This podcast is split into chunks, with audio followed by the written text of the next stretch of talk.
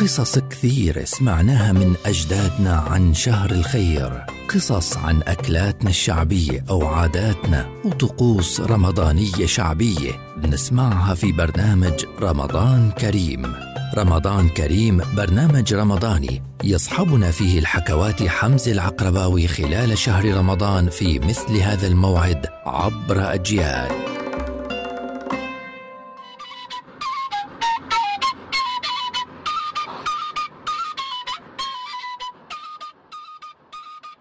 رمضان كريم.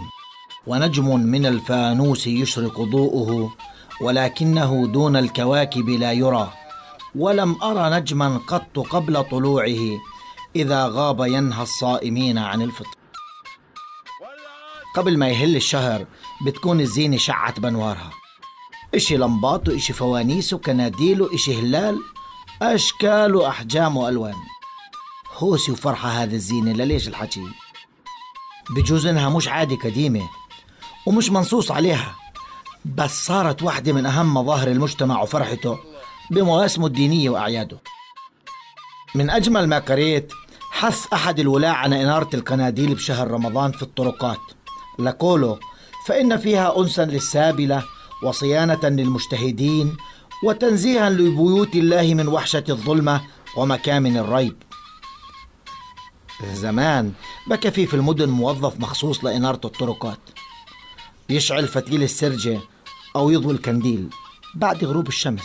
وقبل يطلع الصبح بيكون ماشي بالأزقة بطفي فيهن برمضان زمان كان إطفاء الفانوس فانوس رمضان يعني طلوع الفجر. وضرورة الامتناع عن الأكل حتى لو ما سمعت المسحرات أو الأذان. الفانوس واحد من أجمل مظاهر رمضان اللي بنحبها وبتذكرنا بشهر الخير. وبما أنه اليوم برمضان قطعنا اليوم العاشر وما عشرة إلا عشرة رسول الله بنذكركم بالمثل اللي بيقول إن عشر دشر أو إن عشر بشر بشر بالعيد يعني سلامتكم روح الشهر ورمضان كريم.